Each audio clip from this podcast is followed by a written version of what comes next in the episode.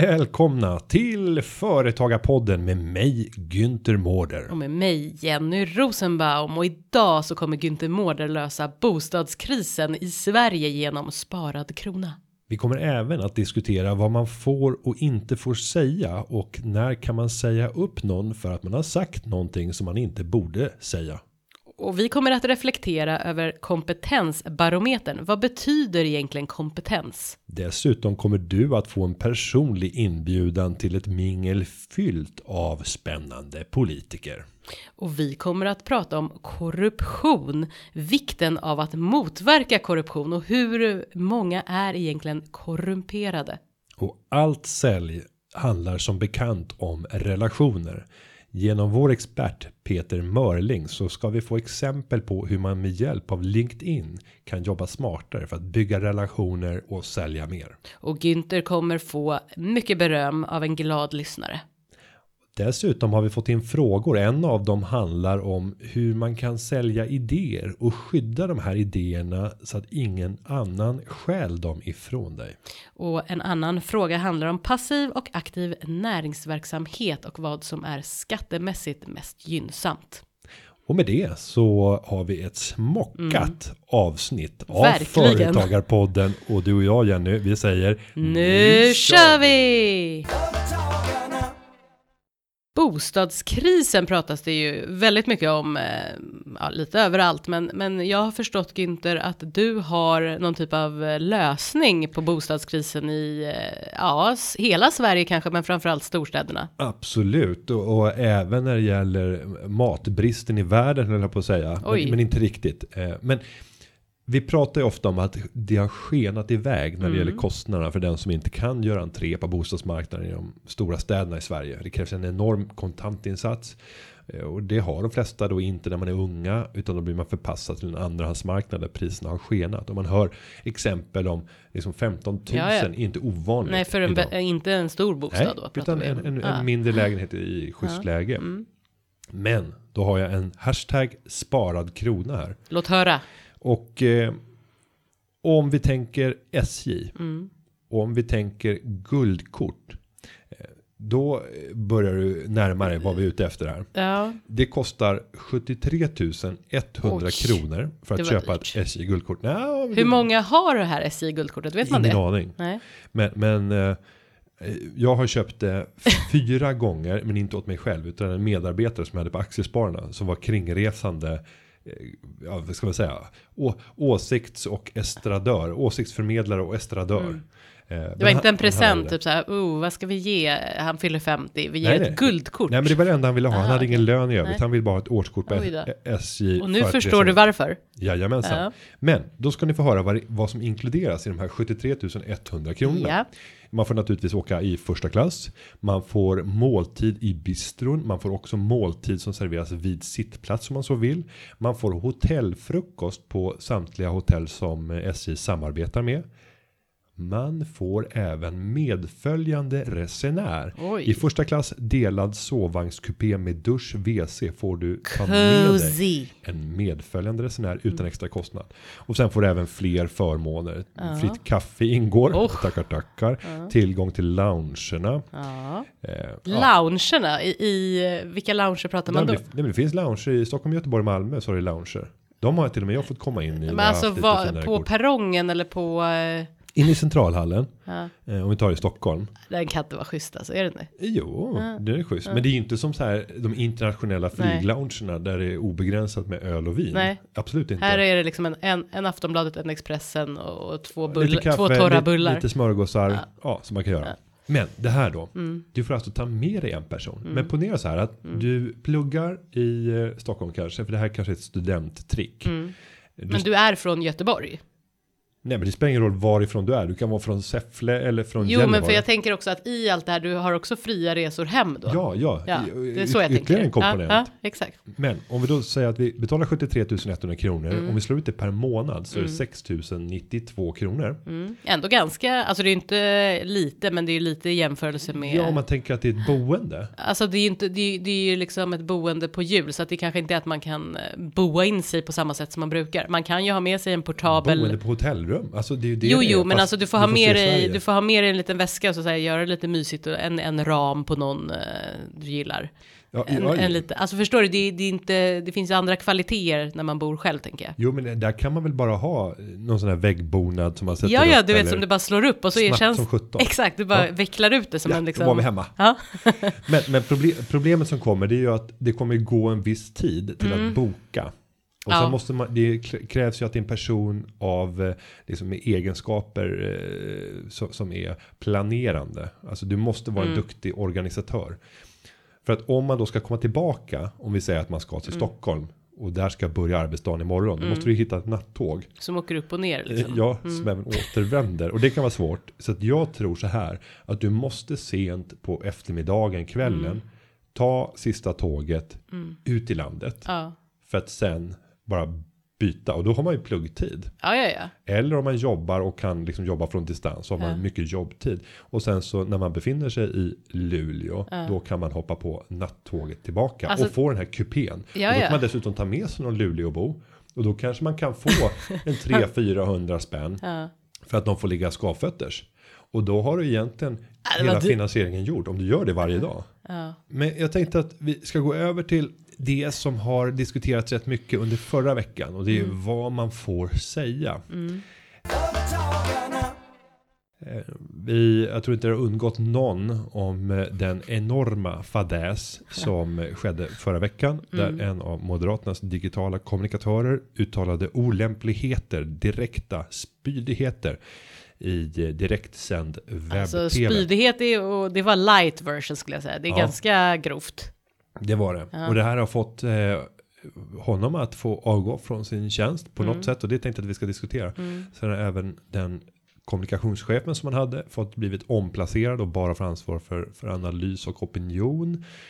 Och sen därtill var det ytterligare någon person som hade fått lämna. Mm. Men jag tänkte att vi ska inte fördjupa oss i just det. Utan vi ska titta på de mer arbetsrättsliga delarna. Mm. Om det här hade hänt på så att säga, min arbetsplats. Den som lyssnars arbetsplats. Och du är chef, du är företagare. Vad har man för rättigheter? För det tog bara någon timme.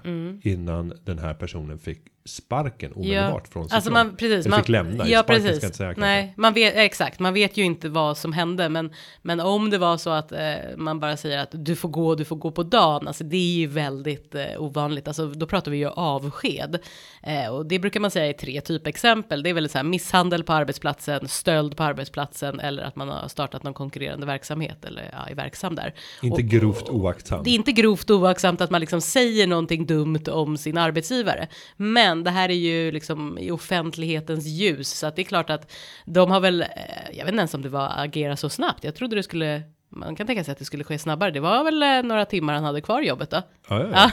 Nej men att man säger man till. betalt för de, ska jag redovisa de sista timmarna här i timredovisningssystemet? Nej men de har väl satt sig ner med honom och sagt att det här var ju inte så bra. Eh, hur löser vi det här? För att eh, här kan du inte vara kvar. Men, och, men, men om eh, han då hade eh, varit, och börjat obstruera Ja. och sagt att nej men jag, Jag jag, vill ha kvar min roll. Det där var ett misstag. Ja. Du gjorde också ett misstag Mm. här förra veckan. Du tappade kaffekannan. Så att allt kaffe rann ut på golvet. Det var också ett misstag. Mm. Ja men då hade de väl, eh, är han med i facket eh, så hade man väl fått dra in facket. Jag vet inte om han var det nu. Nu ska vi säga att det här är en Eh. 24-årig ung moderat. Ja. Eh, Och Muff har ju inte varit liksom fackkramare. Nej. Så att sannolikheten är nog rätt låg för att han var fackligt ansluten. Ja, och då tror jag att de har sagt till honom att okej, eh, nu är det så här, eh, det här kommer inte hålla. Eh, Vi var ett kärlekspar, vi är inte det längre. Hur mycket vill du ha för att gå? Eller kan du tänka dig att ta, här får du två månadslöner. Det är nog bäst att vi avslutar här nu och så skriver en överenskommelse på det. Men om han vägrar Så så, jag- har han ändå ett case där. Nej, alltså om han vägrar så ja, det vet man ju inte. Det ju, får ju i så fall prövas om han har det. Men alltså sannolikheten, alltså det är ju ändå väldigt grovt med tanke på att det är offentligt skulle jag säga.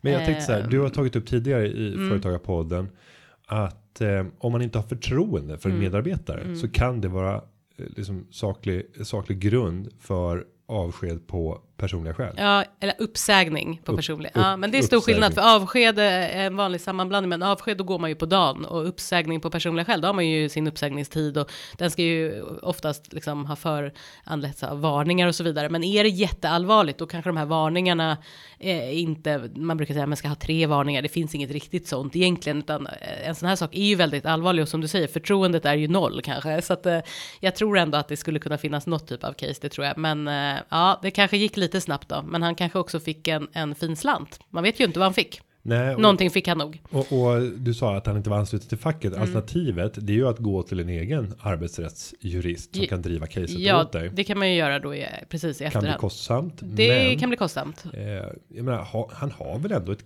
Jo, man kan absolut eh, argumentera för att, eh, ja men vadå, det här var eh, liksom eh, ett tillfälle, han har varit fantastisk innan, han har inte fått någon varning för det här och eh, ja, samtidigt är det ju så att det gick live, det var ganska många som såg det, så att det, eh, skadan är väl ganska stor då. Men man hade inte kunnat om vi tar våran vanligaste medlem. Det är ju en företagare verksam inom bygg. Låt oss säga att det förekom i eh, en byggbod. Att en av mina hantverkare uttalade eh, en konkurrent. För det var ju vad det handlade om här. Ja, det var en moderat precis. som uttalade Ja. sig om, om en minister i konkurrerande parti. Sa att den där jävla horan. Oj. Ja, det hände i byggboden. Ja. Du som företagare, arbetsledare, hör det här. Blir ju extremt Ja, blir upprörd. tokig. I Och bara det- säger avskeda direkt. Ja, men i, i det caset är det lite svårare va? Ja, nej, men det är ju det, för då ska, om de hade ringt in till mig på juridiska rådgivning, då hade jag sagt okej, det här var ju riktigt, riktigt illa, men jag tror att du måste fråga varför har han gjort det här och eh, ja, då får du sätta dig ner och säga att det här blir en ordentlig varning, alltså om det här skulle ske igen, då kan det Men bli uppsägning. kan, kan man säga att det räknas som två varningar. Ja, det får Det två igen, nej. Två gula kort. Alltså grejen är så här, om, om det skulle vara en sån allvarlig sak och vi säger nu att han får en varning och han gör det igen, då behöver man inte säga nu ska du få en till varning, du har inte riktigt förstått det här, utan då, då får man väl kanske dra igång processen. Men det är klart att det är väldigt allvarligt. Men även där hade man ju kunnat göra på liknande sätt, hade jag kunnat alltså, säga att jo men det där är inte okej. Kan du tänka dig att vi går skilda vägar? Ska vi skriva en överenskommelse på det här att anställningen upphör? Vi är överens om det. Och sen så får du bam, bam, bam, antal månadslöner. Men- det kan man ju alltid göra. Man kan alltid komma överens. Hantverkaren eh, rakt över bordet då Ja. som hörde det här. Ja. Som blev så arg. Ja. Så att han ville liksom markera omedelbart Han- och klippte till. Ja, så, det är och inte så, så, bra. sa, så där säger du inte. Nej, nu lägger du av. Ja, Ja, så där uppför man sig så inte. där uppför man Och så Nej. en rejäl Ja, ja, käftsmäll. en misshandel, ja då hade jag sagt att då blir det, då blir det avsked. Nej, alltså det, det går aldrig att säga exakt så, men det är klart Nej. att det, då börjar vi närma oss. Och sen så snor han ur kassan samtidigt. Ja, sen gick den andra och stal från en annan medarbetare. Och så och gick- gick in i ett av skåpen. Ja. Ja, tog ficka-pengarna. och, sp- och sprang därifrån. Mm. Och sen sprang han till sin eh, konkurrerande firma som han hade startat Och så samtidigt. startade han en ny rörfirma. Då är det avsked. Du är av. Ja, direkt. Då kommer Trump. You're fired. Exakt. Ja. Mm. Eh, Bra. Nu har vi avhandlat det. apropå det så tycker jag att vi kan gå över i, i lite kompetensdiskussion. För det har ju hänt någonting förra veckan. Vi har släppt en rapport Mm. hos företagarna. Kompetensbarometern. Varför har vi gjort Ja, den det här undersökningen? Och eh, grunden är att när vi har tagit fram våra konjunkturindikatorer och Mm. en av dem är ju småföretag, eh, småföretagsbarometern Mm. som hela tiden mäter eh, småföretagares vilja att växa, investera, anställa. Mm. Och då säger man att det främsta tillväxthämmande Mm. eh, skälet som finns det är bristen på kompetens. Man hittar inte rätt kompetens och det är Mm. svårt att, att eh, anställa de som hade behövts till, till firman. Och varför är det då svårt? För det går ju inte hand i hand med man tänker att ja, men, eh, vi vill ha fler jobb. Då är det så här, vi söker personer och vi hittar dem inte. Hur kommer det sig? Eh, nej men i grunden så är ju då frågan vad betyder kompetens? Det är det som är den, den svåra frågan här. För att det kan ju vara utbildning. Det kan vara att man har branscherfarenhet, kontaktnät eller så yrkesduglighet. Men det kan också vara attitydfrågor som att man är social eller utåtriktad, resultatorienterad. Och det kan ju vara svårt att söka i en eh, process. Jag skulle gärna vilja ha en väldigt social person här. Nej, Eller? nej men det är väl ganska vanligt. Att man har som ett kriterie Alltså många gånger så behöver man ju, så, alltså ska du ha en person som är utåtriktad, Ja. har kontakt med kunderna. Mm. Då är det jätteviktigt att den personen är, är positiv och utåtriktad och social.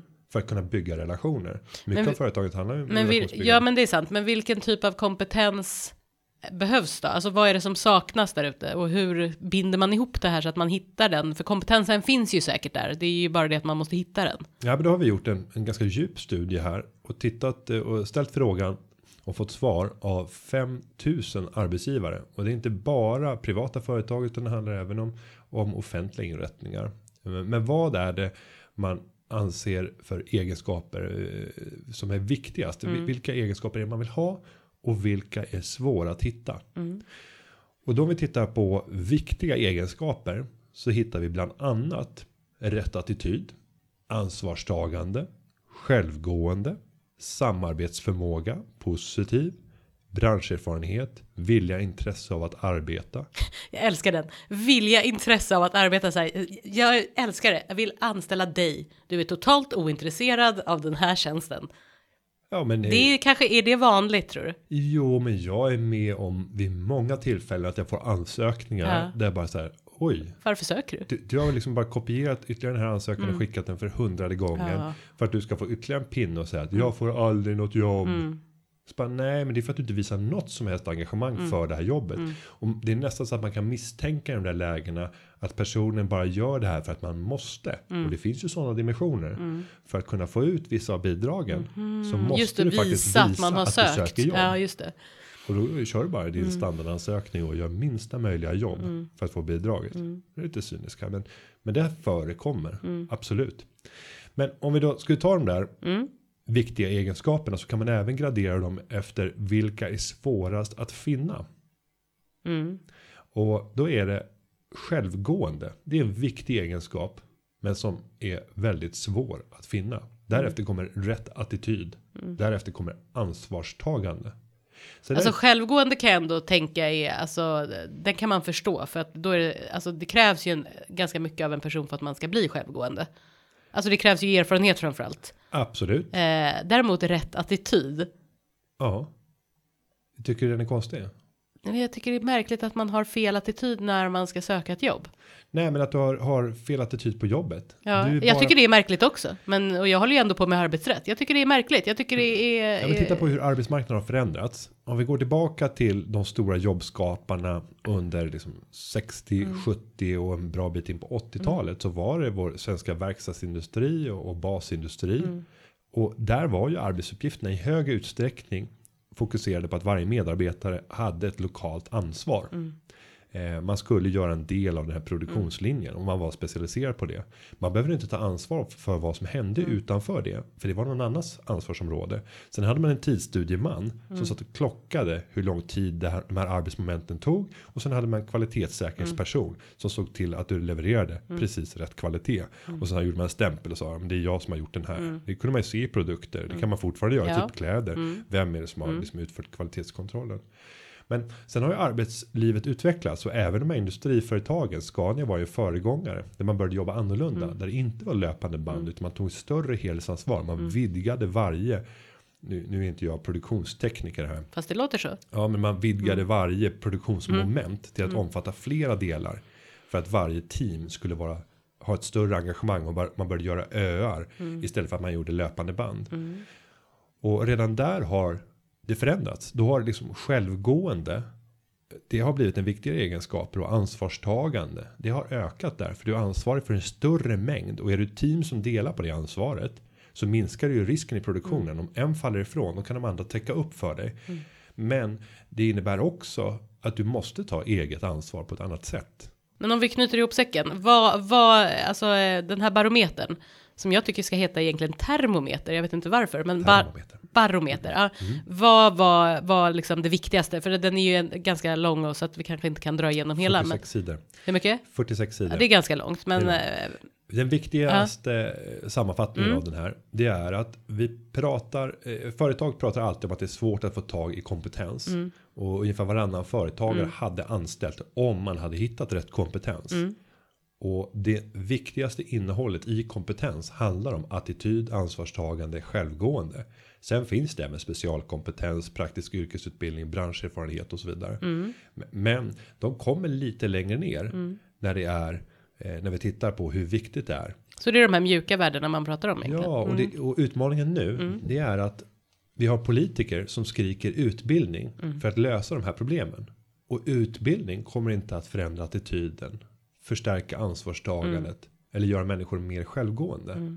Så att någonstans så tror jag att vi måste titta både på utbildningen och så titta på föräldraransvaret, titta på arbetsgivaransvaret. Hur fostrar man de här delarna? Hur får vi en förändrad samhällskultur som gör att människor svarar upp i hög utsträckning mot en jobbverklighet som idag råder?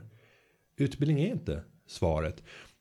Om vi tittar på utbildning som sådant så så kommer det rätt långt ner i i det här sammanhanget. Sen kan man säga att det absolut svåraste att hitta det är specialistkompetens och det är väl självklart att det är så. För, för per definition så är specialistkompetens någonting som är ganska Som är väldigt sällsynt. speciellt. Ja, annars är det inte specialistkompetens. Ehm, men det är inte någonting som man i väldigt hög utsträckning letar efter. Mm. Ska man säga. Så att det här, nu har vi öppnat Pandoras ask Det har vi verkligen gjort. Vi blev he- helt eh, annat än vad vi hade tänkt att prata om. Ja, men, men även med den här rapporten Mm. Ja. så har vi gjort det i samhällsdebatten och faktiskt fått folk kanske att börja fundera över. Mm. Ja, vad är det egentligen vi måste angripa när vi pratar kompetens? Politiker måste tänka annorlunda så att nu har vi faktiskt kallat till ett eh, en träff tillsammans med politiker. Vi har varje år eller varje halvår ska jag säga ett politikermingel där vi talar om en aktuell fråga. Och det kommer vi ha nu den 30 november, onsdag den 30 november på SAP 46. 17.30 till 19.00. Så pratar vi om hur löser vi kompetensbristen. Och där kommer bland annat Ylva Johansson. Eh, vår arbetsmarknadsminister. Men det kommer att tala. Men det kommer även andra statsråd. Till exempel Annika Strandhäll. Förmodligen Per Bolund. Ulf Kristersson från Moderaterna kommer också. Deras ekonomisk politiska talesman. Och mängder av riksdagsledamöter. Den här träffen har du som lyssnar möjlighet att gå på också om du är, är medlem i Företagarna. Då är det bara att gå in på Företagarnas hemsida och anmäla sig. Och det här är ett suveränt tillfälle att också få prata, få lobba, få presentera sina idéer för politiker och gärna då inom det området som vi diskuterar för kvällen, vilket är kompetensbrist och kompetensförsörjning. Och på tal om då eh, politiker och mingel så tänker jag att vi ska hoppa till ett annat seminarium som vi har som vi kallar för korruptionsseminariet. snygg brygga. Ja, Ja, eh, och det kommer eh, bege sig måndagen den 28 november 8.30 börjar det. Eh, och vi kommer väl att eh, sända det va? Ja, mellan 8.30 och 10.30 så sänder vi eh, den 28 november det här korruptionsseminariet och det gör vi tillsammans med Transparency International Sverige. Och det är ju, handlar ju om vikten av att motverka korruption bland anställda och affärspartners bland annat. Och det här kan låta som en eh, icke-fråga, men det här är viktigt. Och det blir ännu viktigare mot bakgrund av den undersökning som jag såg släpptes förra veckan nu när vi spelar in det här. Eh, som visade att 15% av alla svenskar anser att samtliga företagare är korrupta. Eh, samma undersökning säger även att 13% av alla politiker är korrupta. Alltså om det är en så stor andel, alltså det, när det gäller företagare så är det, vi är närmare två av tio om vi ska avrunda än, än en av tio. Eh, om det är så många som tycker och tror och tänker att samhället är så korrupt att både politiker och företagare det är korrupta. Och jag tror att det är en samvariation att det är samma personer Ja. tror jag som tycker både och. Eh, ja, då finns det en ganska stor eh, grogrund att tro att det finns utrymme för ett eh, missnöjesparti att, att växa rätt ordentligt i, i Sverige. Men det säger också att vi har ett stort ansvar som företagare, ett stort ansvar som politiker att faktiskt gå ut och mota det här. Det, det är ett jätteproblem om man har, även om det här är låga tal i sammanhanget om vi mäter Vad tror du då? Alltså, eh, för, för mig låter det så här korruption, det är ganska Det ska ta rätt mycket innan man Ja, innan man anser tar, att någon är korrupt. ja men exakt, man kan liksom, de är dåliga, de är sopor liksom. Nej, för jag så. sitter och tänker Men på om jag skulle gå igenom min, ändå- min telefonbok. Jag tror att jag har ungefär tusen stycken inlagda. Hur många av dem skulle jag peka ut som så här, ja men det här Gör en sån här, korrupt. ja precis, eller så här Hon markering i kanten. Han är korrupt. så råkar det ringa och sen så blir den här äh, offentlig och då hamnar vi i den här diskussionen vi hade i hur många början. timmar får Ja. Får Günther Günther på sig. Han bara, jag måste ta med mig min telefonbok. Ja, nej. Nej men det, det är nog rätt få Ja. Mm. som jag skulle komma fram till. Men jag skulle nog kunna hitta någon. Eh, som är, En och annan. ja men någon skulle jag kunna säga, ja men det här är en korrupt. Mm. Men då är det ju med. ja, inte så stor Han sitter procent. inne. Kan jag ändå inte ringa så jag Nej. kan ta bort honom. Du får Ja. ringa en vän. Herrejösses.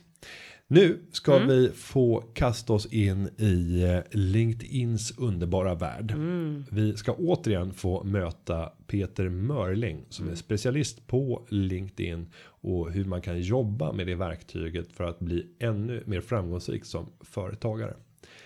Ni har fått möta honom, möta honom en gång tidigare och här är han igen. Varsågoda. Då sitter vi återigen här med Peter Mörling som är en specialist på LinkedIn och som ni har träffat i ett tidigare avsnitt av Företagarpodden. Välkommen. Tack så mycket. Och vad ska vi prata om idag Jenny? Jo, men idag så ska vi prata om eh, hur man eh, hittar nya kunder. Hur säljer man på ett bra sätt? Eh, vi ska prata lite om storleken. Spelar den någon roll? Självklart. Ja, Ja. Och så ska vi ha lite sparad krona också, tänker jag. kanske det. mm. Men att använda LinkedIn som ett försäljningsverktyg. Peter, går det? Ja, om man, om man ser det som det verktyg det är. Och det är ju framförallt ett verktyg för att bygga och underhålla ett nätverk. Och, och liksom bygga relationer med folk i sitt nätverk. Det är ju inte ett ställe där man säljer. Det är inte här avslutet sker utan nej, det här nej det utan, utan eh, ja precis. Jag brukar säga att det är det förebyggande arbetet fram till att få ett bra möte, ett bra första möte. Så att det är ett varmt möte brukar jag säga istället för det här att man har tjatat sig till att få träffa en kund. Men om jag är, bara ta ett exempel jag är rörmokare eh, i eh, Umeå. Mm. Hur eh, ska jag gå tillväga? Alltså vem ska jag söka upp? Hur, hur gör jag rent praktiskt? Jag har aldrig varit inne på LinkedIn. Jag har precis skapat min profil. Mitt fina CV ligger där. Ja. Vad, vad gör jag liksom så här? Hej, ska vi ta en kaffe? Ja, hur du börjar, du, börjar ett, du börjar ett steg före det va? Du börjar fundera på vem är det du vill träffa? Mm, det är en bra, och bra är, det, fråga. är, det, är det liksom, eller målgrupp som vi, man säger i marknadsföringssammanhang då. Men alltså, om, om du är rörmokare i Umeå så tänker jag till exempel att det kan vara intressant att träffa stora bostadsrättsföreningar som funderar på att renovera sina pannor. Mm. Eller byggföretag. Eller villaägare som eh, bor i ett område som börjar bli 50 år gammalt. Alltså på något Mm. vis att du, att du trattar ner eh, vilka det är du vill, du vill hitta. Och sen kan du använda sökfunktionerna i LinkedIn för att hitta de här personerna. Och hur skulle jag göra då, bara väldigt kortfattat? Ja, du kan skriva in eh, bostadsrättsförening Umeå i sökfältet. Och då får du upp personer som i sin profil har de två orden.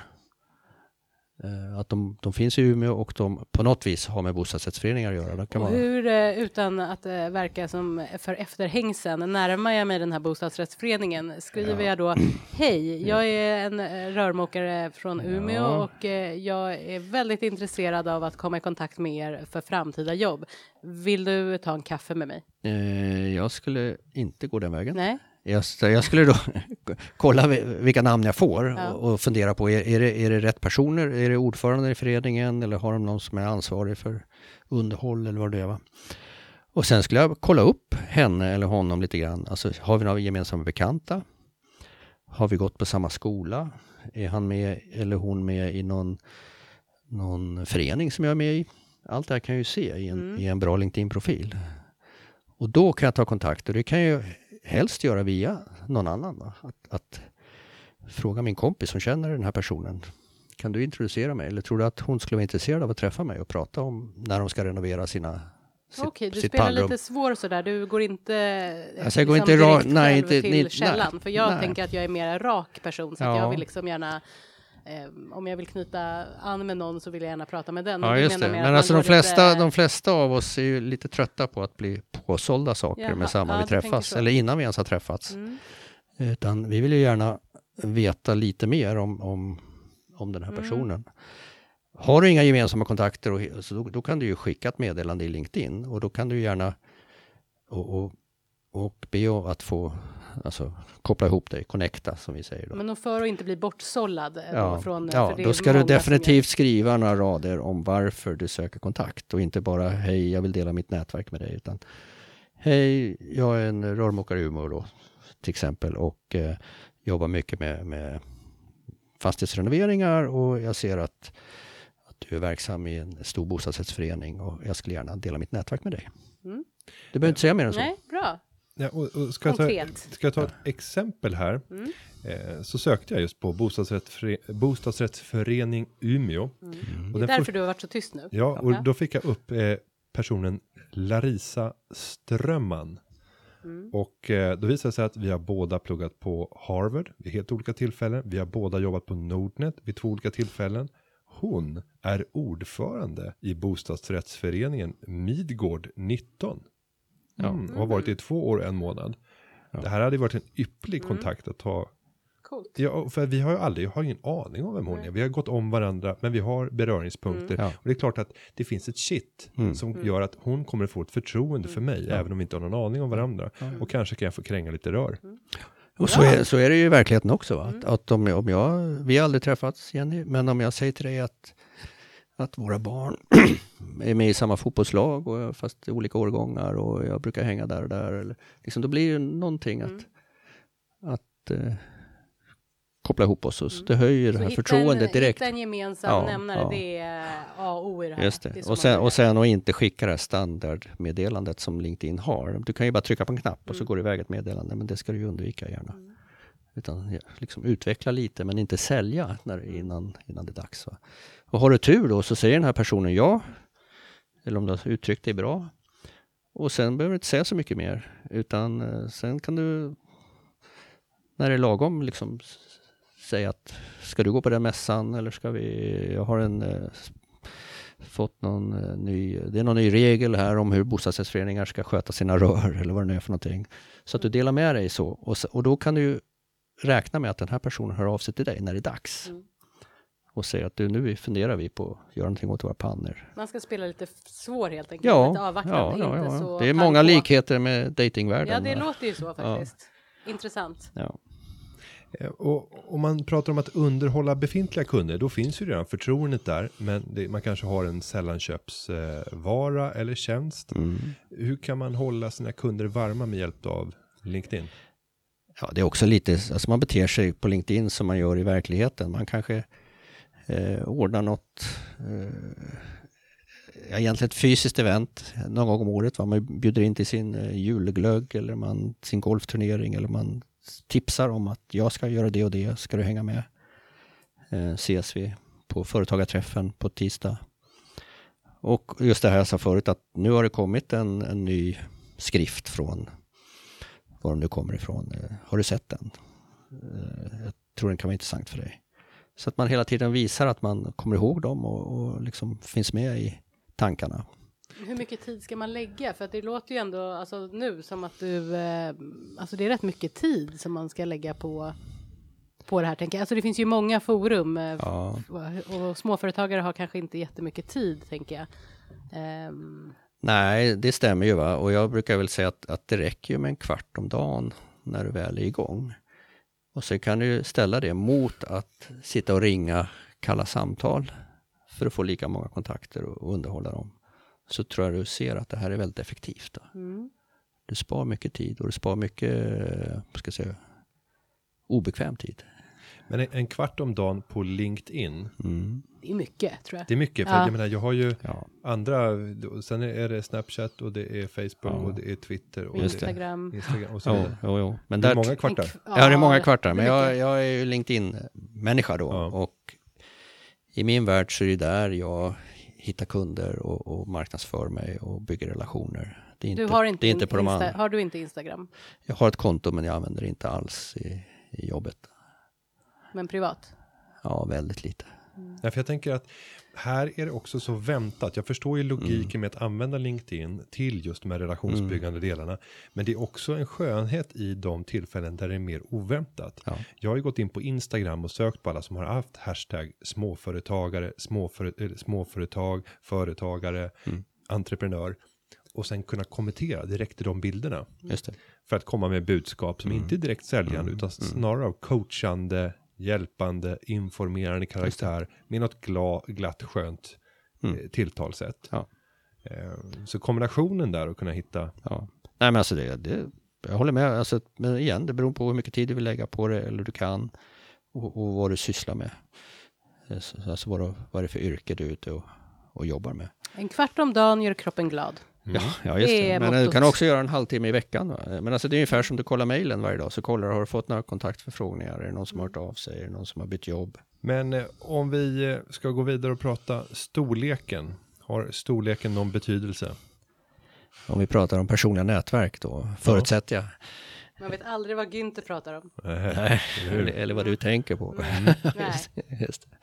Eh, ja, det har betydelse. Alltså storleken på ditt nätverk på LinkedIn är, är väldigt viktigt för att det är en, så att säga, eftersom du kan se dina kontakters kontakter. Så ju fler, om du, om du har 100 kontakter och var och en av dem har 100 kontakter så, så blir det en enorm multiplikatoreffekt.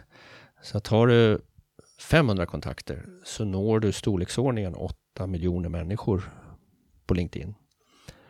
Och, och det är liksom, och, och de når dig. Och hur många kontakter har du? Jag har ungefär 1400.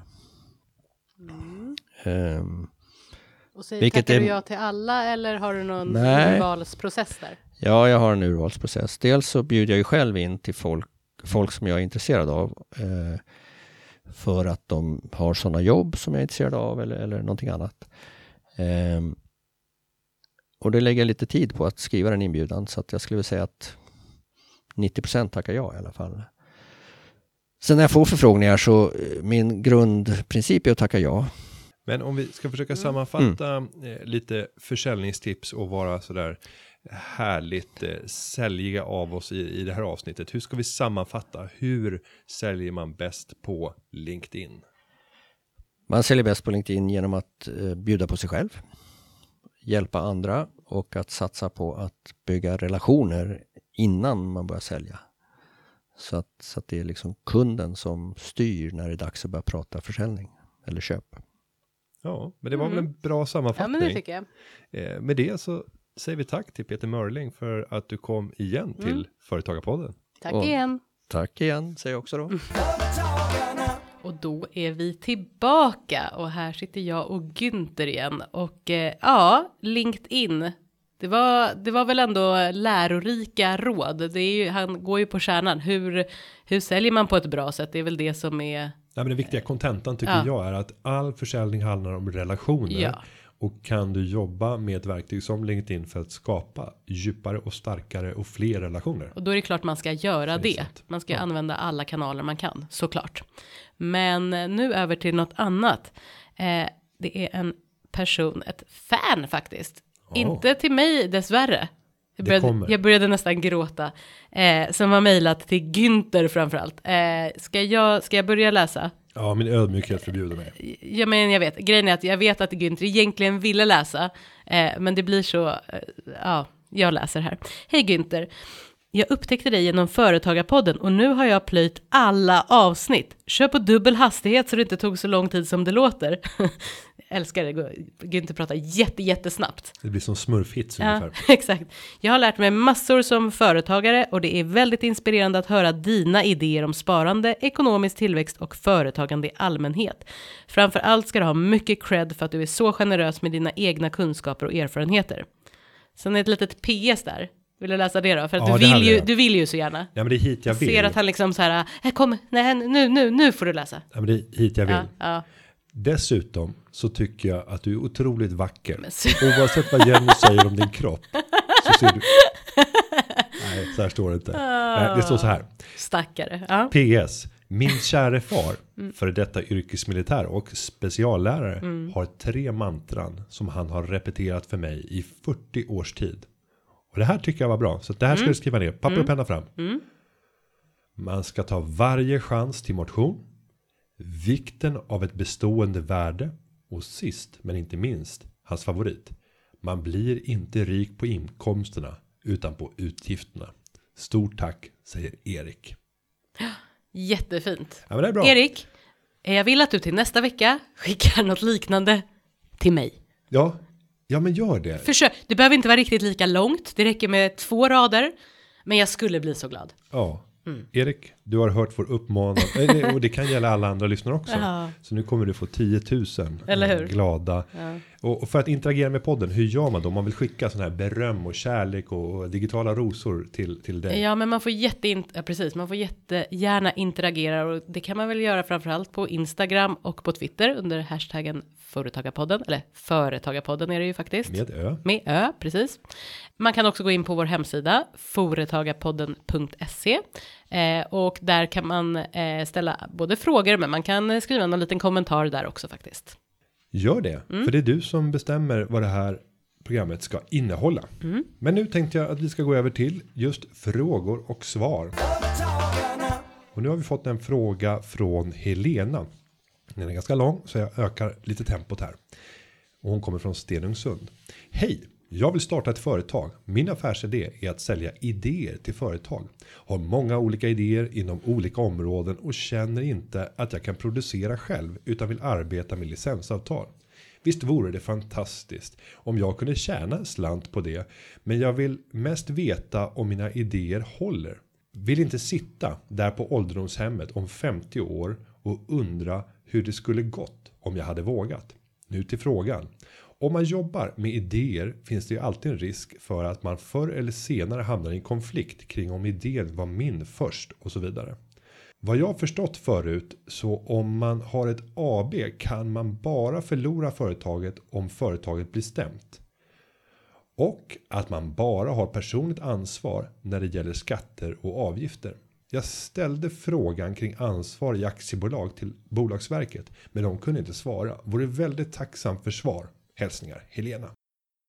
Wow, Ja, vart ska vi börja? Nej, men, ja, vi, vi kan väl återkomma till just det här med att sälja idéer Ja. och ta den som en lite mer hisspitch. Är det här en Ja. bra idé? Ja, vi ska titta på det här med personligt ansvar och aktiebolag och då är det ju så att man, man startar ju ett aktiebolag, kanske inte för att man inte ska bli personligt ansvarig, men, men det är ju ändå så att huvudregeln är att du inte blir personligt ansvarig. Sen finns det ju några undantag eh, och ett typexempel det är väl det här vi har pratat med att man inte upprättar kontrollbalansräkning på det sättet man ska när man tror att man understiger hälften av aktiekapitalet.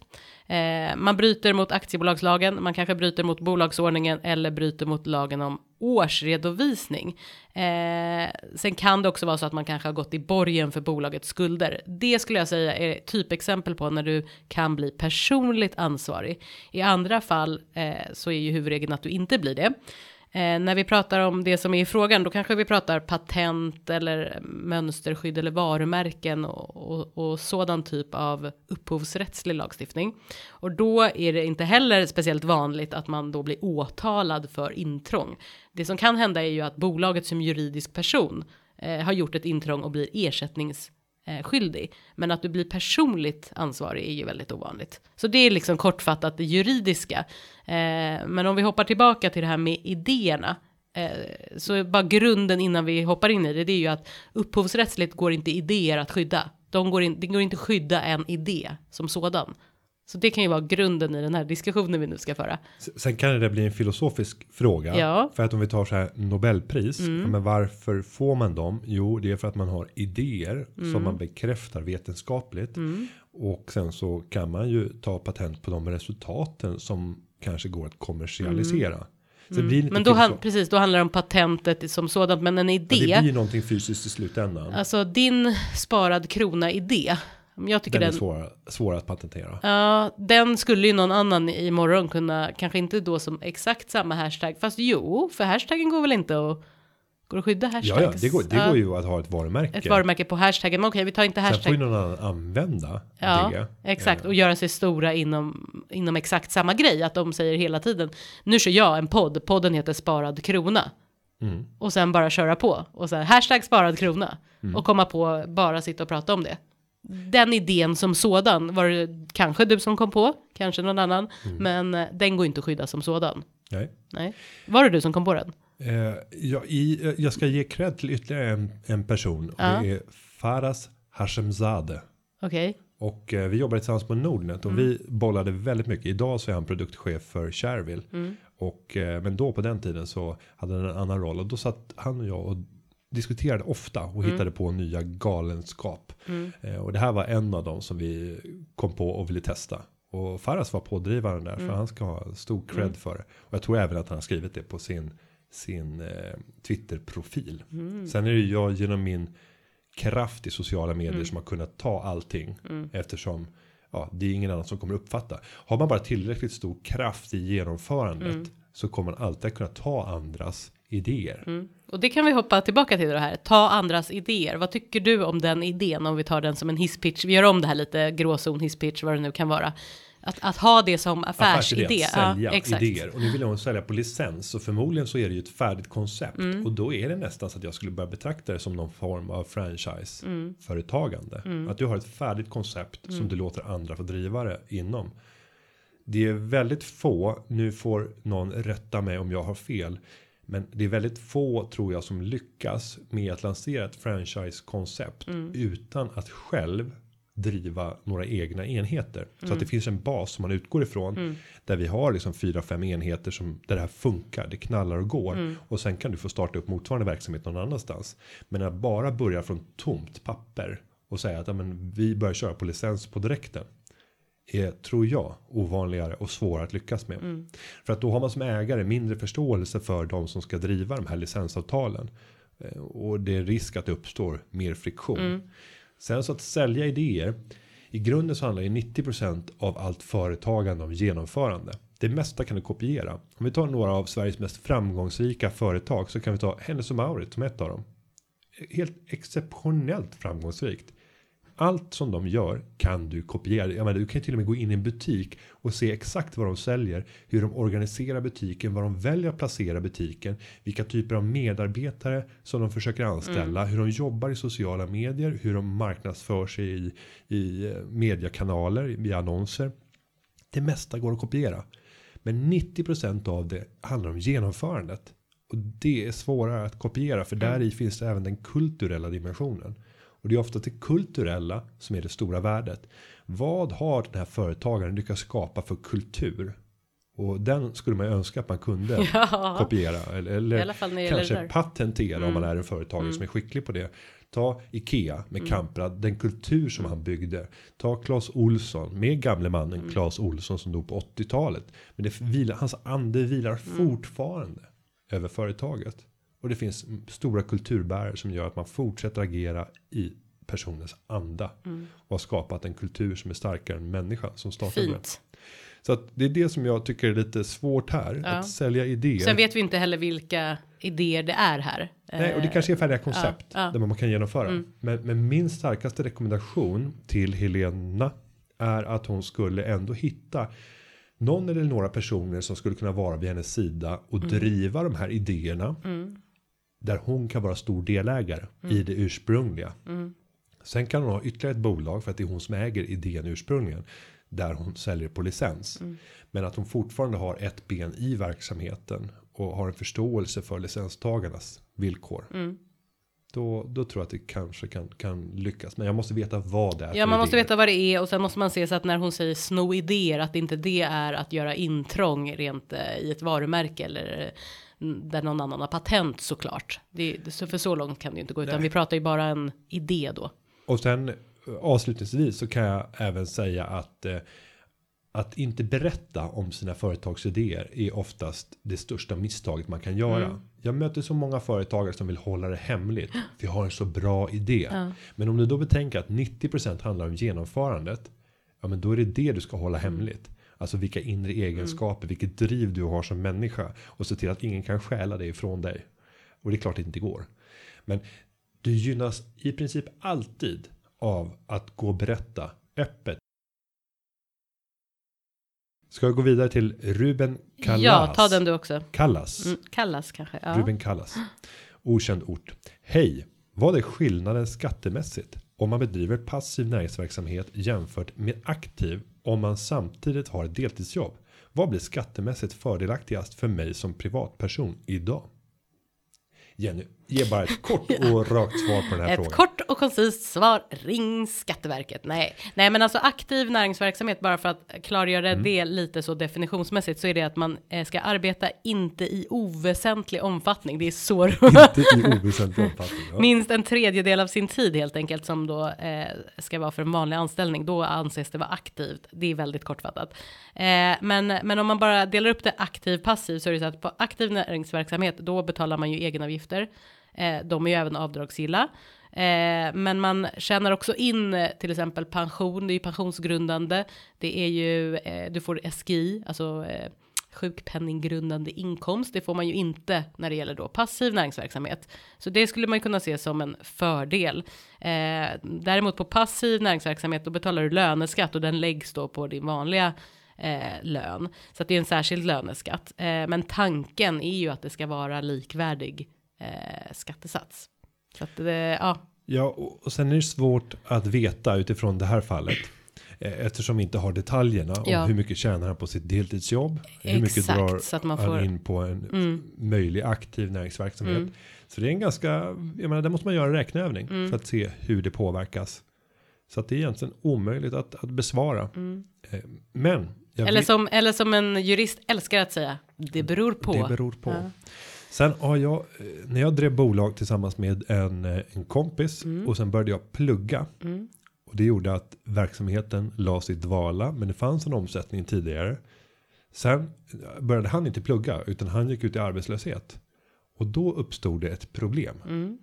För att då fanns ju firman kvar och då hade han svårt att få Ja. rätt. Just det. Till då då de- måste den ligga helt i träda. De bidrag som han skulle kunna Mm. få. Så att vi fick skyndsamt avregistrera honom från, från bolaget. För mig spelade det ingen roll eftersom jag pluggade. Mm. Eh, det hade ingen som helst betydelse. Men för honom så blev det katastrofalt för han Mm. stod helt utan, Mm. utan Nej, det är försörjning. såna här man faller mellan stolar som också faktiskt är ett problem. För det betyder ju att du inte kan ha, alltså det blir antingen eller. Att du inte får ha en, det är ett helt annat samtalsämne, men att du inte får ha en näringsverksamhet i princip överhuvudtaget om du ska kunna få de här eh, bidragen. Och det är Och då, märkligt. det, det gynnar ju så. inte företagande om man säger så. Nej, och sen, För det tar ju ett tag att bygga upp ett företag också, även om du inte får då eh, några in, eh, större inkomster kanske.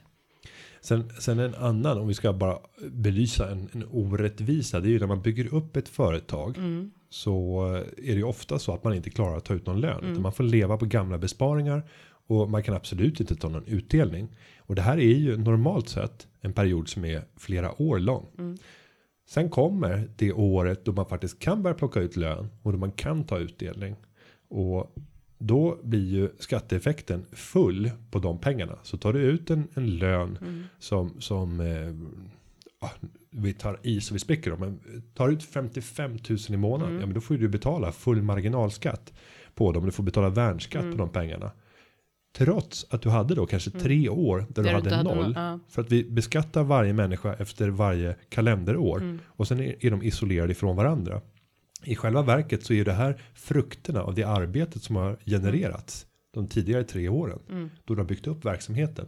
Så egentligen borde man kanske då smeta ut det här över en längre tid. Och säga att ungefär som ett företag. Ett företag kan ju rulla Mm. sitt positiva eller negativa resultat till nästa år. Och på så sätt smeta ut skatteeffekterna. Det är ganska intressant för Försäkringskassan gör ju precis tvärtom i vissa fall. Då när de är osäkra på just lön, då kanske de går tillbaka i tiden och då kan det ju vara att man haft sämre resultat. Ja, absolut. Så att det, det, ja, det kan gå, det slår åt. Och, och titta på de här inkomstförsäkringarna Ja. som många luras till Ja. att köpa som företagare. Mm. Det finns ju liksom enskilda organisationer som säljer det här stenhårt. Mm. Bara, du lever en osäker tillvaro Mm. som företagare. Mm. Teckna en inkomstförsäkring. Sen baseras ju inkomstförsäkringen på hur mycket du drog in Mm. det senaste året. Mm. Om den väl då skulle behöva falla ut. Exakt, och då kan det ju vara att om du behöver den, då kanske det har gått sämre det senaste året. Ja, sannolikt så har det gått riktigt dåligt Ja. för dig. Och du har dragit in din lön Mm. som den första åtgärden Mm. för att överhuvudtaget kunna överleva. Ja. Och du tog, tog inte ut någon lön överhuvudtaget förra året. Får- mm. Och sen konkade Det är firman. en bra affärsidé. Ja, att sälja någonting Mm. som ingen ändå kommer att nyttja. Mm. Men med det Jenny, vad säger vi? Men vi säger väl att vi förhoppningsvis hörs nästa vecka. Det lär vi göra. Ja. Och, eh, Vi lär ju göra det i alla fall. Du och jag. Men jag hoppas att ni där ute också hänger med. och jag kommer att resa ut i eh, Sverige. Så Mm. vill man eh, träffa mig redan den här veckan. Var ska så, man befinna sig då? Ja, då ska man antingen befinna sig i... På eh, SJ första klass. Ja, var som helst i hela Sverige. Ja. Här kommer att tala på arenan i Halmstad på torsdag den 24. Sen kommer jag vara i Varberg och jag kommer träffa Surfers Paradise som jag kommer göra en intervju med för att släppa i tidningen Företagaren sen. Eh, därefter så kan man veckan efter det träffa mig utöver då på politikerminglet den eh, 30 december eller 30 november så kan man även dagen innan komma till Västerås. Där jag kommer att göra ett antal företagsbesök men framförallt tala på kvällen för ett gäng som heter VIP 100. Viktigt, Mm. viktigt värre.